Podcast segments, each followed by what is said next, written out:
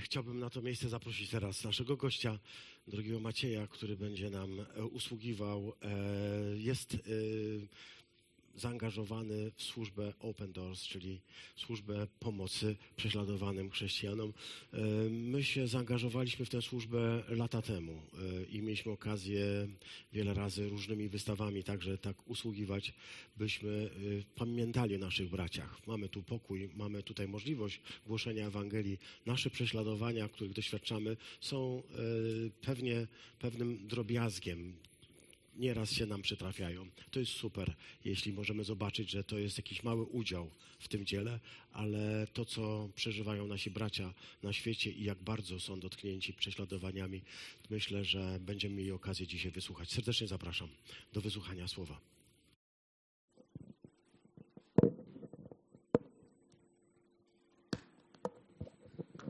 Moi drodzy, wszyscy jako chrześcijanie Wierzymy, że Bóg jest dobry, łaskawy, miłosierny, sprawiedliwy i wszechmocny. Zgadza się? Ale mamy pewien problem. Problem jest taki, że Bóg jest dobry, sprawiedliwy, wszechmocny, miłosierny, ale jego wyznawcy cierpią. I widzimy, ja to widzę w mojej służbie, że z roku na rok te prześladowania wzrastają i sytuacja chrześcijan w wielu zakątkach świata jest coraz trudniejsza.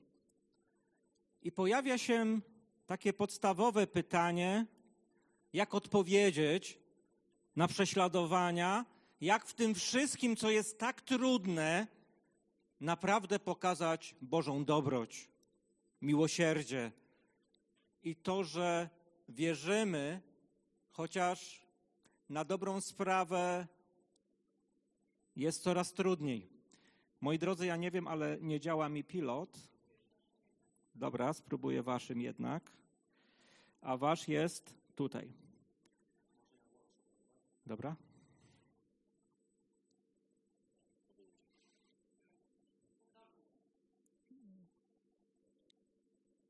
Ok. I wiecie, to jest trudne. Ja w 2023 roku byłem w Burkina Faso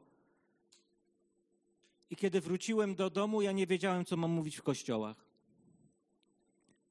Bo jedyne, co mogłem zrobić, to stanąć za kazalnicą i płakać. Płakać, bo kiedy słyszysz przez wiele dni świadectwa kobiet, które doświadczyły przemocy seksualnej, które rodzą dzieci z tej przemocy. Kiedy słyszysz historię pastorów, którzy zostali zamordowani, kiedy widzisz lud Boży, który dzisiaj cierpi, bo nie ma co jeść i został wygnany z domów, to myślisz, co ja powiem? Żeby Kościół zbudować, zachęcić i pokazać, że Bóg jest dobry chociaż nie zawsze to dobro jest tak łatwo dostrzegalne i dotykalne. Co robić, kiedy zdajemy sobie sprawę, że ponad 360 milionów ludzi w ponad 70 krajach dzisiaj doświadcza radykalnych prześladowań z powodu wiary w Jezus. To jest strasznie dużo 360 milionów jak odpowiedzieć, jak reagować. Ja w Open Doors służę od 12 lat i 12 lat temu mówiliśmy o 100 milionach. W międzyczasie mieliśmy zaostrzenie metodologii, żeby nie liczyć chrześcijan, którzy cierpią, bo są prześladowani ze względów etnicznych. 12 lat i wzrost jest ponad trzykrotny. Co zrobić, kiedy widzimy Światowy Indeks Prześladowań? Za chwilę będzie na 2024 opublikowany. Co zrobić, kiedy masz świadomość, że kiedyś na tej liście były trzy kolory? Był czerwony, pomarańczowy i żółty. Czerwony to są ekstremalne prześladowania, pomarańczowy bardzo wysokie, a żółty wysokie. Dzisiaj nie ma żółtego. Żółty jest poza pięćdziesiątką. To, co widzicie na pomarańczowo, to śmiało można mówić o ludobójstwie chrześcijan. I z pełną świadomością, jako po pierwsze socjolog, wiem, co to słowo znaczy. I wiecie, ludzie ze świata będą z nas drwili. Oho, ho, gdzie jest wasz Bóg? Gdzie jest ten, w którym pokładacie nadzieję? Ale to nie jest nowość dla Kościoła. Dla Kościoła raczej czymś dziwnym jest czas bez prześladowań. Bez płacenia ceny za wiarę w Ewangelię. I Kościół zawsze się zmagał z tym problemem. I zawsze był problem, jak odpowiedzieć. Co zrobić? Może zawiesić nabożeństwo. Pamiętam, jak byłem w Republice Środkowoafrykańskiej. I wiecie, to jest niezwykłe doświadczenie, jak jesteś na nabożeństwie, przychodzi do ciebie pastor czy też ksiądz i mówi: Fajnie, bracia, że jesteście, bo w zeszłą niedzielę dżihadyści tutaj poderżnęli gardło dwunastu naszym braciom. I się zastanawiasz, czy to fajnie, że tu jesteś. Bo nagle te wszystkie, wiecie, słowa takie pogodne o chrześcijaństwie, radosne, czasami tracą zupełnie znaczenie. I możesz usiąść i płakać. Jest to dobre. Jest to bardzo dobre. I jest taki list, jeden z wielu w Nowym Testamencie, który był napisany w szczególnie trudnym okresie. To jest list do Hebrajczyków. Przychodziło już drugie pokolenie wierzących. Pan miał przyszedł i co? Nie przyszedł. Ludzie chcieli znów mieć najwyższego kapłana, którego zobaczą. Chcieli mieć świątynię, a byli biedni, prześladowani i wydawało się, że za chwilę ich nie będzie. I faktycznie całym tematem listu do Hebrajczyków jest to, że Jezus jest najwyższym arcykapłanem. A trzynasty rozdział tego listu jest praktycznym podsumowaniem, jak żyć, jak postępować w trudnych czasach. I to jest nasza odpowiedź na zło, na małość Kościoła, na jego słabość. I proszę posłuchaj. Trzynasty rozdział listu do Hebrajczyków 1-3. Trzy praktyczne rady. Dla zboru, dla Kościoła szerzej i dla Kościoła, którego nigdy czasami nie zobaczymy. Dla Kościoła, który jest w więzieniach, dla Kościoła, który płaci najwyższą cenę z powodu przyznawania się do tego, że Bóg jest dobry. A jako ludzie, co możemy naj, największego oddać życie? Dla człowieka nie ma wyższej wartości. I autor listu do Hebrajczyków mówi Tobie i mi: Miłość braterska niechaj trwa. Gościnności nie zapominajcie, przez nią bowiem niektórzy, nie wiedząc o tym, aniołów gościli. Pamiętajcie o więźniach, jakbyście współwięźniami byli, o uciskanych, skoro sami również w ciele jesteście. Trzy proste rady, które mówią, jak ma funkcjonować Kościół, co ten Kościół konstytuuje i po czym ludzie na zewnątrz poznają Kościół. Wiecie, taki tradycja protestancka, która mi jest bliska, to by powiedziała, że ludzie poznają Kościół po tym, że wierzymy w Boże wybranie. Inni powiedzą, że ludzie poznają Kościół po tym, że mówią językami, tak? Inni po tym, że sprawują Eucharystię. Każdy ma swój pomysł, ale to nie jest pomysł Chrystusa. Chrystus właśnie powiedział, że ludzie zewnątrz, którzy nie rozumieją naszych dyskusji doktrynalnych, nawet nie rozumieją naszego tygodnia modlitwy o jedność chrześcijan, bo jak nas słuchają, to i takim na jedno wychodzi. Ale mogą zobaczyć, jakie są między nami relacje. Mogą zobaczyć, czy się kochamy. Czy tylko mówimy o kochającym, miłosiernym Bogu, którego oni nie widzą. Ale mogą zobaczyć, czy taka jest relacja moja z Tobą, Twoja z bratem, Twoja z Twoim kościołem i Twoja z kościołem, z którym się nie zgadzasz doktrynalnie. I trzy wskazówki. Niechaj trwa. No i co ma trwać? Miłość. Nie zapominajcie, przyjrzymy się gościnności, bo to polskie tłumaczenie jest złudne. Ono nie oddaje prawdy, które jest w tym wersecie. I mówi też o tym, żeby pamiętać. Pamiętać, wiecie, o tych, o których łatwo zapomnieć, bo są gdzieś daleko, bo są w więzieniu, bo są strzeżeni, bo przyjaźń, bo miłość wobec nich może kosztować nas nie tylko pieniądze, ale czasami współcierpienie. Więc najpierw autor tego listu mówi o czymś, co jest fundamentem. O czymś, co konstytuuje Kościół i musi w Kościele trwać tak długo, dopóki Pan nie przyjdzie. A kiedy przyjdzie, nie wiemy.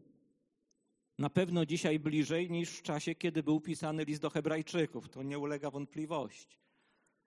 I posłuchajcie tego. To jest bardzo mocne.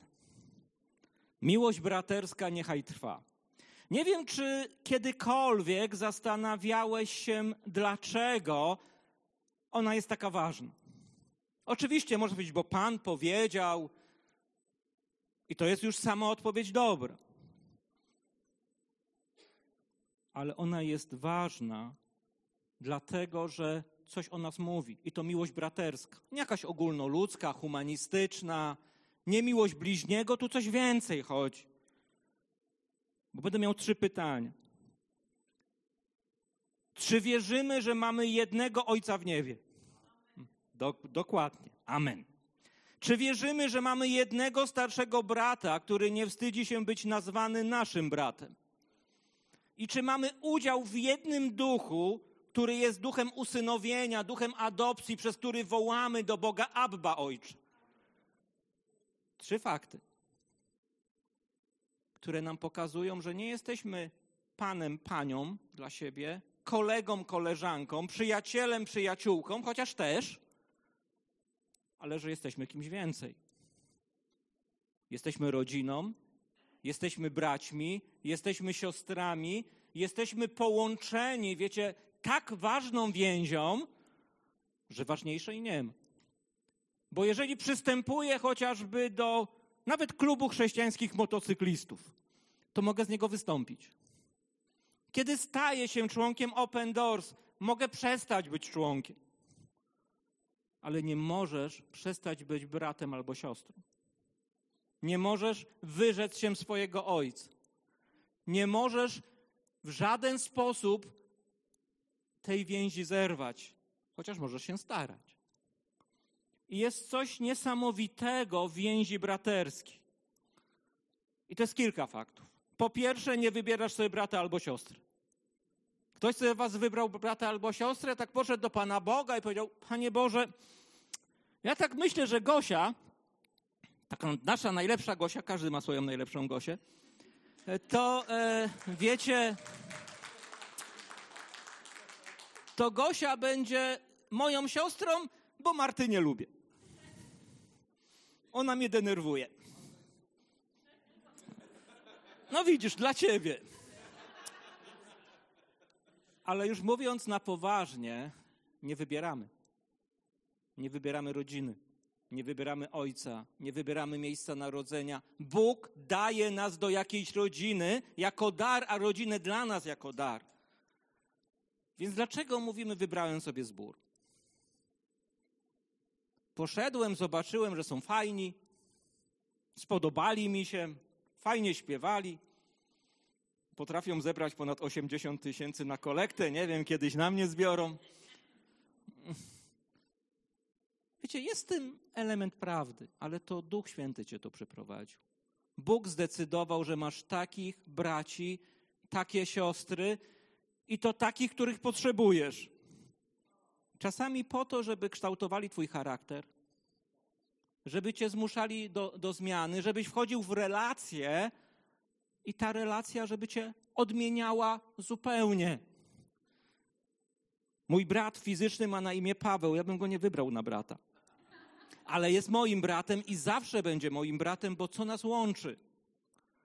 Poglądy mamy na wszystko inne. Łączy nas, że mamy tego samego ojca i tą samą mamę. Wiecie, kiedy byłem w Republice Środkowoafrykańskiej, ja byłem w wioskach, gdzie rzeczywiście tańczyli. Jeszcze była osobna kolekta dla mężczyzn i osobna dla kobiet. Porządek musi być w kościele.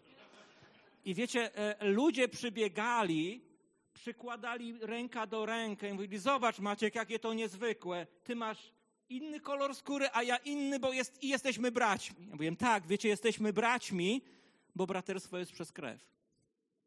Tak jest braterstwo fizyczne, ale też jest braterstwo w kościele. To nie przyszło o tak sobie. To tak nie jest. To przyszło, bo Jezus przelał swoją krew, żebyśmy my zostali zaadoptowani, włączeni do rodziny, otrzymali Jego DNA. Naprawdę Jego. I to wszystko zmienia. I wiecie, nie będzie open doors, nie będzie Bona Arges, nie będzie nie wiadomo czego, jak nie będzie zborów. Tu jest klucz. Tu uczymy się chrześcijaństwa, tu uczymy się dobrze pojętej tolerancji, tu uczymy się miłości, tu uczymy się szacunku, tu patrzymy na lewo, prawo i mówimy, mamy najlepszych braci i siostry, bo tak Bóg zdecydował. I jak nie będzie miłości, niczego nie będzie. Możemy sobie ładnie śpiewać, możemy mieć świetne eventy, możemy zebrać 180 tysięcy i nic to nam nie pomoże, kiedy staniemy przed Panem Bogiem. Nic.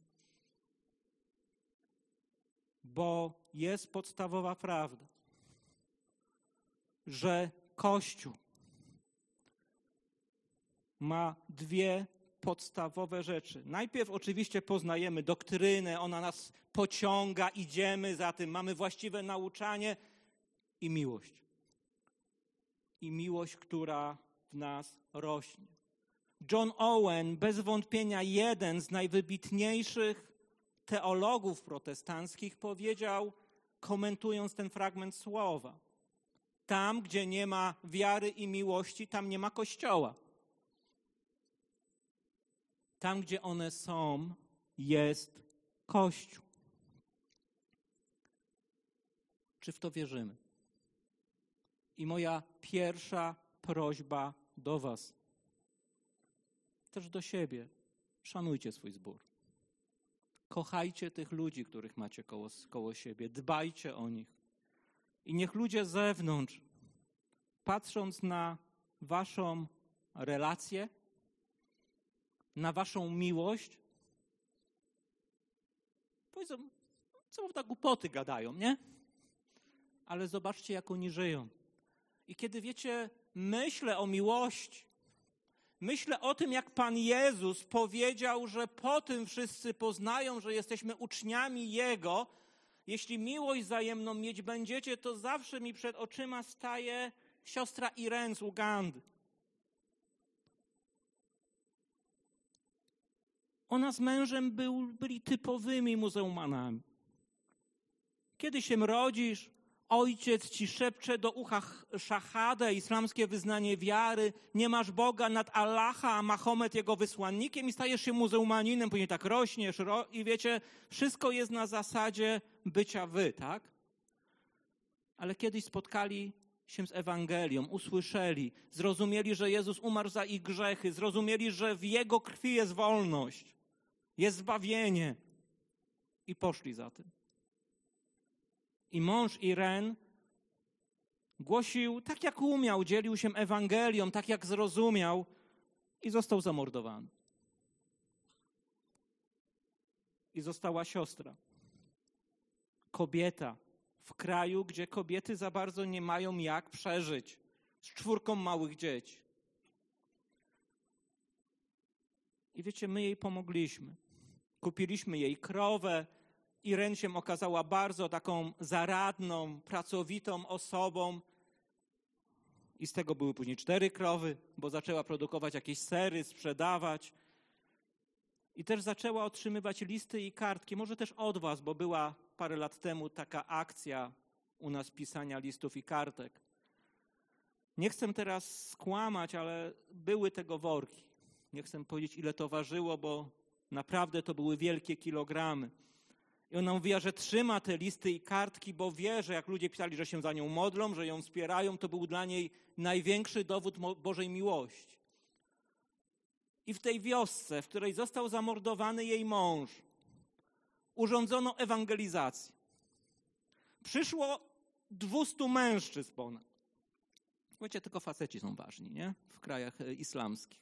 I to było już znaczenie kolosalne. Przychodzą mężczyźni. Na zwiastowanie odpowiedziało ponad 80 osób. Zadeklarowało tych 80 mężczyzn, że chcą pójść za Chrystusem. Oczywiście my nigdy nie wiemy, co z tych deklaracji dalej wyniknie. I wiecie, zapytani, dlaczego przyszliście? Odpowiedzieli, bo zobaczyliśmy, że wy chrześcijanie nie tylko fajnie mówicie o Bogu, ale zobaczyliśmy, że się kochacie, że o siebie dbacie, że pielęgnujecie, że jesteście sobą. Świat nie zobaczy doktryn. Świat ich nie zrozumie. Jeśli najpierw nie zobaczy przemienionych charakterów, nie zobaczy dobrych relacji, nie zobaczy miłości, nie zobaczy opieki, nie zobaczy tego, że Kościół dba o siebie i naprawdę jest rodziną. Ale w tym wezwaniu miłość braterska niechaj trwa, jest wielki trud. Bo jeżeli ma trwać, to musisz o to dbać. W tłumaczeniu Zaręby, które jest tłumaczeniem bardziej literackim, jest pielęgnujcie miłość braterską. Co trzeba zrobić, żeby w domu był trwał porządek? Siostry wiedzą, bracia mniej czasami. Trzeba sprzątać. Trzeba wykonać pracę. Jak nie będziesz sprzątał, nie będzie porządku. I dajmy na to, kiedy bym sobie postanowił, że u mnie w gabinecie będzie trwał porządek. Nie postanowiłem, tak? I mój gabinet jest tego dowodem. Musiałbym wykonywać pracę. Codziennie, sukcesywnie, dzień po dniu, dbać o to za każdym razem. Czy chcesz, żeby trwała miłość braterska w Twoim kościele? To jest Twoja odpowiedzialność.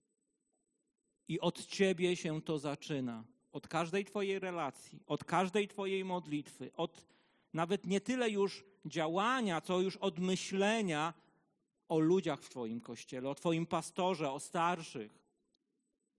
Jeśli tego nie zrobisz, nie będzie miłości. Trwanie oznacza odpowiedzialność. I to jest pierwszy krok. W ogóle warto sobie ten trzynasty rozdział sukcesywnie krok po kroku rozważyć. Najpierw dbasz o tych, których masz najbliżej. Oni są blisko. Tylko nie dbaj w ten sposób, jak w jednym kościele przyszła do mnie taka siostra. Mówi, bracie, słusznie mówisz, ale ja tej siostrze to ja nie mogę wybaczyć, bo 20 lat temu mi coś zrobiła. Ja wszystkim mogę. A najłatwiej to wiecie, chrześcijan, których nigdy na oczy nie widziałem. Oni są tacy pobożni, fajni, nie? Ci nasi bliscy są trudniejsi, bo nasi. Jeśli miłość ma trwać, to ty musisz to zrobić. Ty masz uważać jednego, każdego za wyższego od siebie. Ty masz się mu korzyć. Ty masz rezygnować. Ty masz okazywać charakter Chrystusowy w każdej relacji. Bo dopiero kiedy tu będzie miłość, tu będą właściwe relacje, dopiero wtedy jesteś w kościele, jesteś kościołem i możesz przejść dalej. Możesz przejść do dalszego kroku. Bo skoro jest już miłość braterska, dbasz o swój zbór, myślisz o nim, możesz sięgnąć dalej z rokiem. Już nie tylko ja, mój kościół, moja denominacja, mój sposób myślenia. Patrzę dalej. Nie jestem już tylko skoncentrowany na tym miejscu, ale jak to pastor mówił, poznajesz kuzynów i widzisz rodzinę dalej. Więc autor listu do, do, do Hebrajczyków mówi najbliżsi i wtedy idziemy krok dalej. I pisze gościnności nie zapominajcie, przez nią bowiem niektórzy, nie wiedząc o tym, aniołów gościli. Ale pojawia się pytanie, co to jest ta gościnność? Bo kiedy słyszymy polskie słowo gościnność, to być może myślisz o babci, do której jedziesz i ona ci daje taki stół przed tobą, że wiecie, pluton wojska by tego nie zjadł, nie?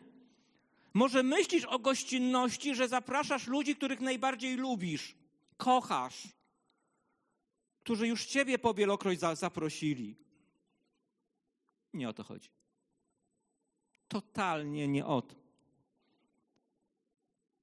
Monika mówiła, że wy lubicie takie autorskie tłumaczenia. To też się postarałem, wiecie. Gościnność to jest filoksenia. I rzeczywiście ta gościnność, którą my tak rozumiemy, no i jest jakimś ułamkiem. Ale co to jest? Kim jest? Czym jest ta filoksenia? Mówiąc obrazowo, ona jest przeciwieństwem ksenofobii. Ksenofobia, wiecie, jest to niechęć, nienawiść wobec obcych, wobec tego, co jest nam nieznane. A filoksenia jest miłością do obcych do nieznajomych, do tych, których nie spotkasz w osobistej relacji, do tych, których nie jesteś stuprocentowej jedności. I to jest trudne. To jest bardzo trudne. I bardzo trudne jest nie zapomnieć o gościnności, o miłości do obcych bo obcych nie masz przy sobie. Nie są blisko, nie są na wyciągnięcie ręki, nie są do ciebie podobni.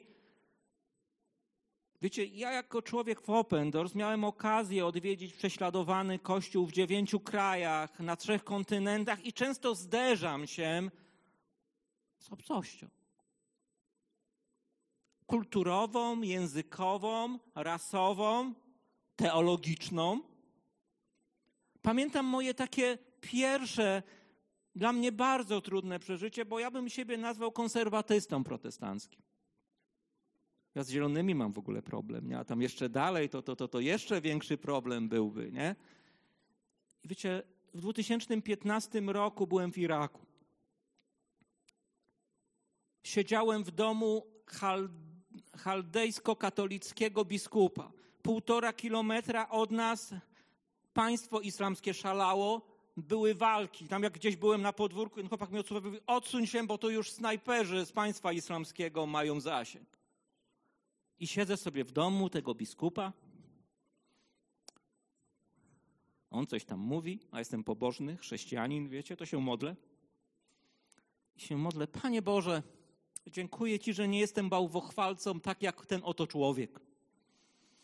Dziękuję Ci, że ja właściwie w Ciebie wierzę, mam właściwą Ewangelię. Tak się modlę, nie? Tak w pewnym momencie, wiecie, mi tak coś do głowy skoczyło. Maciek, ty się modlisz biblijną modlitwą. Twój Pan o niej nauczał, nie? Dziękuję, że nie jestem. Dziękuję Ci, Panie Boże. To jest takie cudowne, że jestem doskonały, nie? Wiecie, przeprosiłem Pana Jezusa i zacząłem słuchać tego człowieka. On zaczął mówić, jak prześladowania zmieniły ich optykę zaczął mówić, że zobaczyli, że bez Jezusa nic uczynić nie mogą. Mówi, idź, mówi, dziękuję za wasze pakiety pomocowe. I że w nich oprócz jedzenia, mydła i innych rzeczy, które są niezbędne do funkcjonowania, była rzecz jeszcze bardziej niezbędna do funkcjonowania Słowo Boże. Że zaczęliśmy czytać. Nie zapominajcie o obcych. Nie zapominajcie o tych, którzy nie są tacy jak wy. Za chwilę się rozpoczyna, czy dzisiaj się faktycznie rozpoczął, uważ, to już nawet nie będzie tydzień, tylko dwa tygodnie, modlitwy o jedność chrześcijan. Warto pójść, warto poznać, po to, żeby nie być zamkniętym, wiecie, w swoich umysłach i żeby nie mieć zamkniętych serc. I powiedzieć, rzeczywiście nie zgadzamy się w tym czy w tamtym, ale chrześcijaństwa nie mogę nikomu odebrać, zabronić. Nie ja wpisuję do księgi żywota. Może ktoś z Was ma takie kompetencje, wątpię. Te kompetencje ma Pan Bóg. Nie ja, nie Ty. I my chcemy rzeczywiście, żeby ta miłość, miłość do obcych też była obecna w Kościele. Bo jeżeli spojrzymy na różne teksty Nowego Testamentu, zobaczymy, jak ona się pojawia. Zawsze będzie najpierw miłość braterska, gorliwość, nadzieja, cierpliwość. I jako podsumowanie tych cnót chrześcijańskich będzie miłość do obcych. Tak jak Paweł chociażby do Rzymian pisze, wspierajcie świętych potrzebach, okazujcie filoksenie. Bo być może ich nie zobaczycie. Pamiętacie, jak Paweł zbierał pieniądze na pomoc ubogim w Jerozolimie? Zbierał wśród tych, którzy nie mieli szans ich zobaczyć. Dzisiaj mamy lepiej, bo mamy taki świat mniej globalny, bardziej na wyciągnięcie ręki. I ktoś wam pisze o trzeciej w nocy, to pozdrawiam Kościół z Indonezji i wyciach, później pozdrawiacie Kościół, nie? Z Indonezji. I okazywać gościnność, wspierać świętych, to jest nas obowiązek. I nie zapomnieć. Mamy w kościele lokalnym problemy zawsze. Mamy problemy w naszym kraju coraz większe. Wiecie, społeczeństwo mamy tak skłócone, że ja już dzisiaj w zborach widzę, że siedzi PiS, siedzi PO, tak? I chyba bardziej hołownia powinien się pojawić niż Pan Bóg. I to jest chore. Będziemy mieli na wiele rzeczy różne zapatrywania. Ale jesteśmy rodziną. Mamy ojca, brata i udział w duchu usynowienia tak jak sobie żartujemy, mi kiedyś dwóch, jeden z braci z Łodzi mówił, że nie może z kimś mieć relacji braterskiej, bo on kibicuje Widzewowi. Myślę, ojej, grubsza sprawa, nie? Ale tak jest. Niestety tak jest. Jak gdzieś tam się pogubimy w naszym życiu. I wiecie, autor listu do Hebrajczyków też podkreśla, że gościnność jest tak istotna, tak ważna, ale też tak trudna, że daje też obietnicę, mówi przez nią bowiem, przez miłość do obcych. Niektórzy nie wiedząc o tym aniołów gościli. I dla Żydów było wiadomo, o kogo chodzi. Że chodzi o Abrahama, który gościł aniołów, a tak naprawdę gościł Boga. I chodzi o Lota, który pokazał, jak ma wyglądać miłość do obcych. I kiedy czytamy historię Lota, ona jest w XIX rozdziale pierwszej Mojżeszowej napisane, to zobaczymy Lota, który wstaje, idzie na spotkanie i sam szuka obcych. Wie, że będą problemy. Zna swoje miasto. Czy jesteś gotowy wyjść, znaleźć, odpowiedzieć i poprosić? Bo zobaczcie, jaka jest postawa Lota. Ja tu tylko dam krótki fragment z 19 rozdziału i niech będzie drugi werset. Proszę, panowie moi, stąpcie do domu sługi waszego i przenocujcie, umyjcie nogi wasze, a wczesnym rankiem staniecie i możecie pójść drogą swoją. Oni mówią, że nie, a on bardzo nalegał na nich. Co jest w tej postawie? Pokora, miłość. Ktoś mi kiedyś powiedział, narzuc narzucał się. Tak. Bo wiedział, że ci ludzie są zagrożeni. Nie znał ich, nie wiedział, że to są aniołowie. Nie wiedział, że przyszli, żeby go wyprowadzić ale kochał. I wiemy, że później był gotowy wszystko oddać, wszystko zrobić dla ich bezpieczeństwa. Miłość do obcych. To jest cecha sprawiedliwych. Cecha tych, którzy doświadczyli miłości Bożej i niosą ją dalej. Być może nie będziemy gościli aniołów, tylko zwykłych chrześcijan. Ale też jest taka wielka obietnica pańska, że Pan Jezus mówi, że cokolwiek uczyniliście jednemu z braci moich, mnie uczyniliście. Przed chwilką powiedzieliśmy, że On jest naszym bratem. Nie wstydzi się do nas przyznać. Wyobrażacie sobie ten dzień sądu, kiedy Jezus ci powie: Byłem w więzieniu, a modliłeś się za mnie? Byłem głodny, a mnie nakarmiłeś. To jest, panie, kiedy? Kiedy? Jak? No, bo kochałeś. I Twoja miłość była bardzo, bardzo praktyczna. Nie tylko mówiłeś, niech Cię Pan błogosławi, ale sam byłeś błogosławieństwem. To jest sens miłości.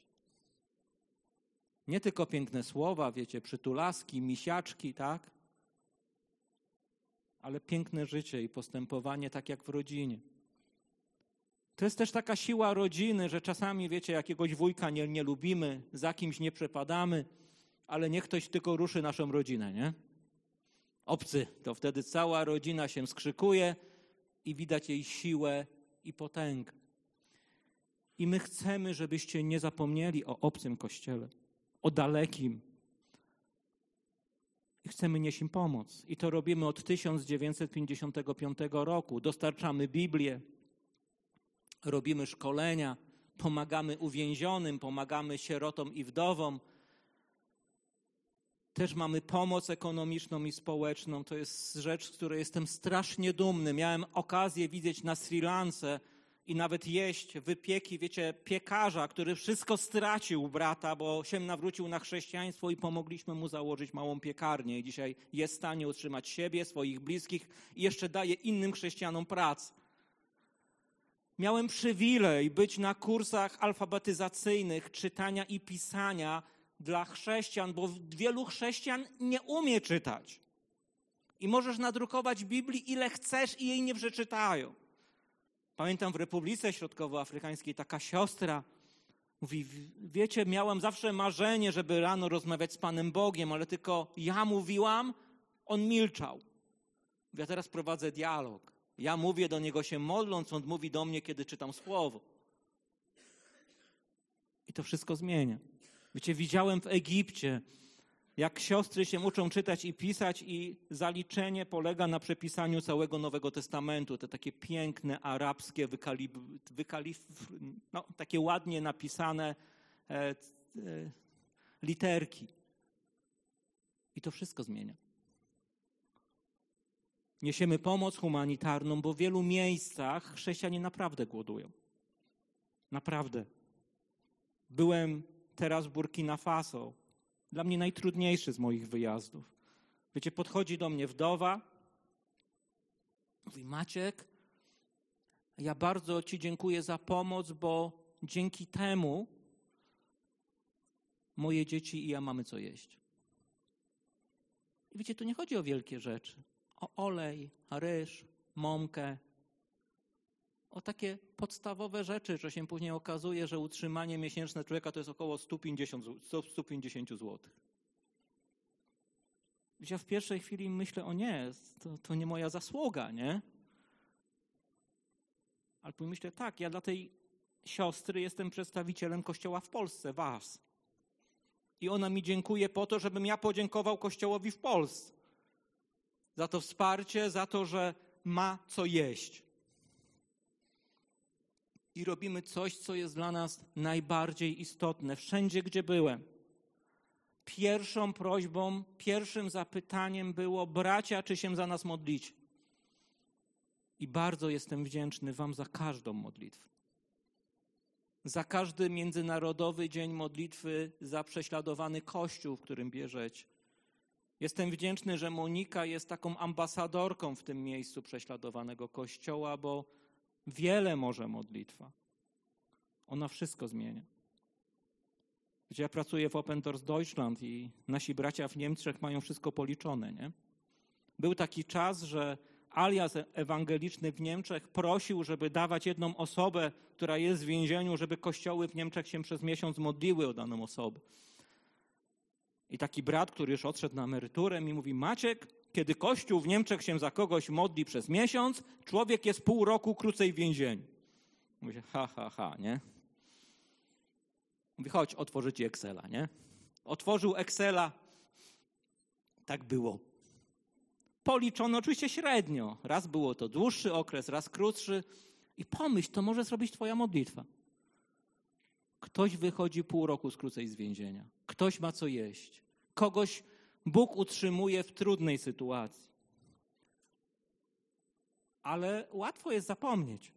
Mamy swoje problemy, mamy swoje trudy, mamy swoje rachunki i chcemy Wam przypominać, i my przypominamy w ten sposób, że drukujemy nasz magazyn co miesiąc, żeby był taką przypominajką, żebyś nie zapomniał, żeby to gdzieś nie uciekło, bo ucieka.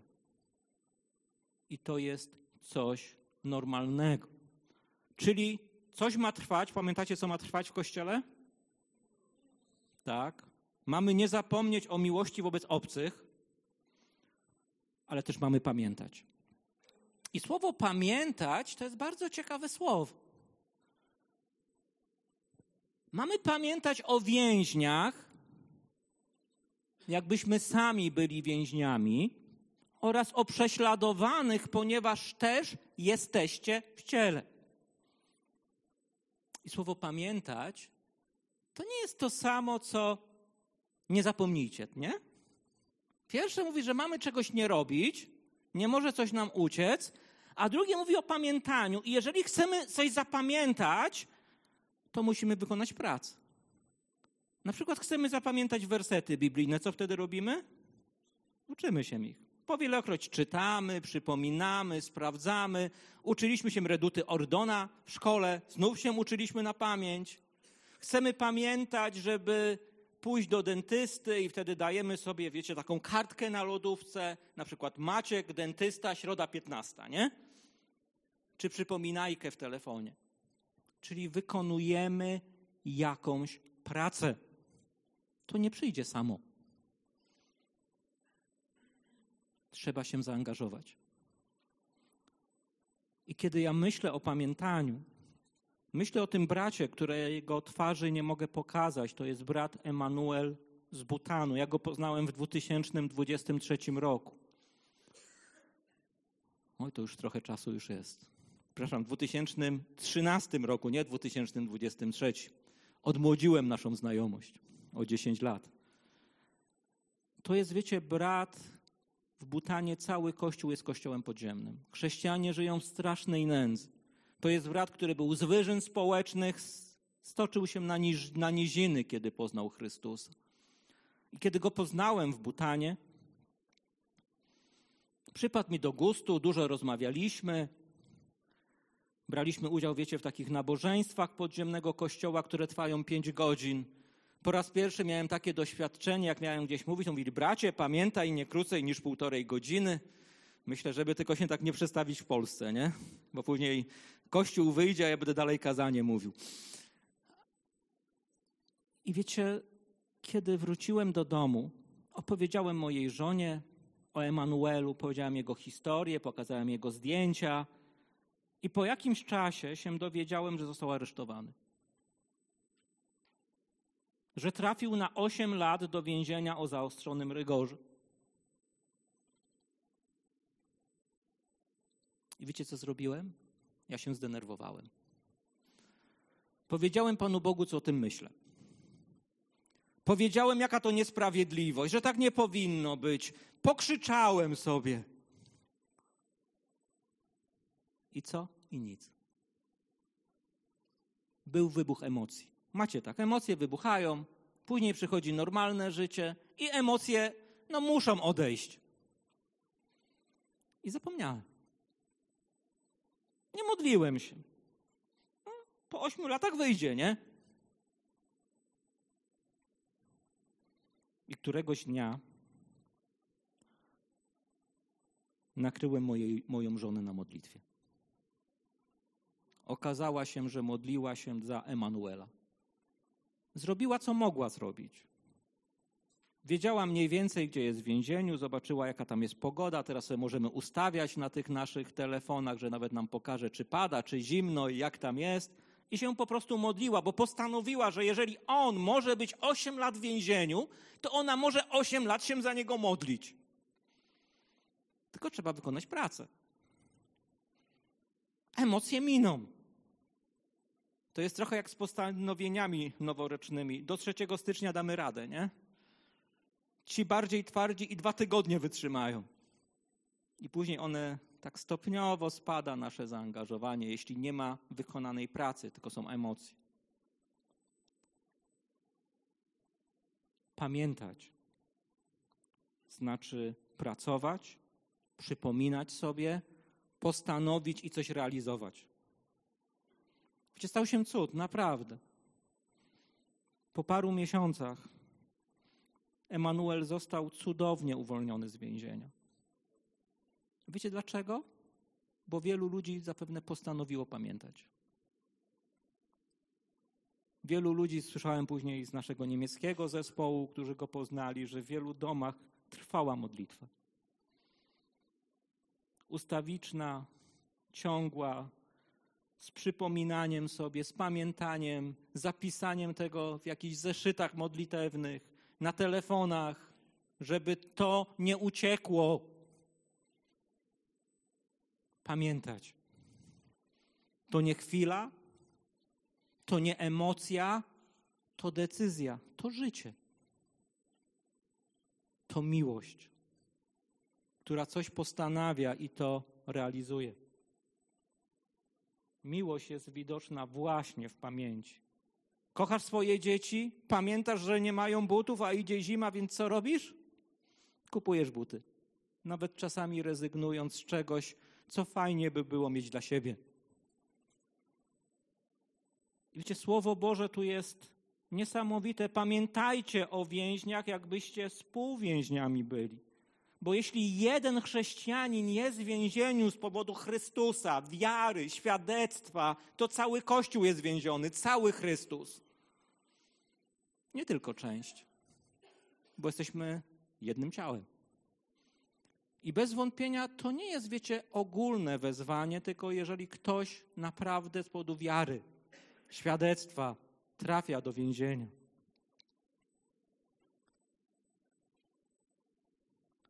Więc mamy pamiętać o prześladowanych, o uwięzionych, ponieważ też jesteście w ciele. I to jest też bardzo ciekawe. Bo skoro jesteś nawet w ciele fizycznym, no to potrafisz zrozumieć ból, głód, cierpienie, strach. Na przykład pomyśl sobie, że z powodu Twojej wiary, na przykład Twoje dzieci nie będą miały co jeść. Pomyśl, że z powodu Twojej decyzji, mężczyzno, że zostajesz chrześcijaninem, zostanie zgwałcona Twoja żona. To są bardzo poważne rzeczy. Jesteśmy w stanie nawet na zasadzie ludzkiej empatii to zrozumieć. I trwać w modlitwie. Ale to nie tylko chodzi o empatię. To nie tylko o to chodzi, że potrafimy współczuć. Ludzie niewierzący też potrafią. Też wspierają wiele organizacji, też naszą, co jest dla mnie jakimś fenomenem.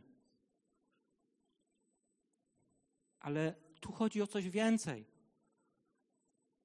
My nie tylko jesteśmy w ciele, rozumianym jako ciało fizyczne. My również jesteśmy w ciele Jezusa Chrystusa. Apostoł Paweł w pierwszym do Koryntian, w dwunastym rozdziale, w wersetach 26 i 27, kiedy pisze o ciele, o kościele, on wiecie, nie myśli o instytucji, o denominacjach, o podziałach, a były już wtedy naprawdę duże w kościele. To jest taki mit, że kościół był kiedyś niepodzielny. Znaczy, kościół jest niepodzielny, chrześcijanie się dzielą.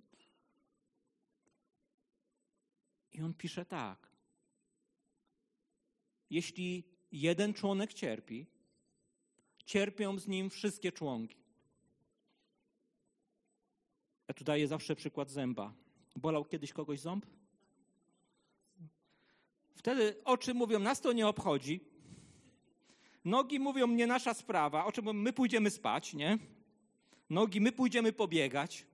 Ręce mówią, a my sobie coś innego zrobimy. Nie. Całe ciało cierpi. Z powodu tak małego członka. Nie możemy spać, nie możemy jeść, nie możemy funkcjonować, a nogi mówią, chodźcie do dentysty, nie? Skąpa ręka mówi, to ja już wyciągnę ten portfel, zapłacę, chcę sobie pospać. I tak apostoł rozumie Kościół. Nie instytucja, organizm. Nie podział, ale jedność. Nie, jedno, nie taka jedność, rozumiana, że wszyscy jesteśmy tak tacy sami, ale różnorodność w jedności, tak? Tak jak ciało jest różnorodne, ale razem stanowi dopiero jedność. I mówi, a jeśli doznaje czci jeden członek, radują się z nim wszystkie członki. I najtrudniejsza nauka dla Kościoła od samego początku. Wy zaś, ty, ja, być może nawet ksiądz katolicki, który stanie za tą kazalnicą, jesteście ciałem Chrystusowym. My o tym nie decydujemy. A z osobna członkami. Skoro jesteśmy w tym ciele, to znaczy, że mamy pamiętać o uwięzionych, jakbyśmy my byli w więzieniu i uciskanych, bo jesteśmy w ciele Jezusa Chrystusa. I ta perspektywa wszystko zmienia. To jest nasz obowiązek. Jeśli nie cierpimy, nie odczuwamy tej odpowiedzialności, to coś z nami jest nie tak.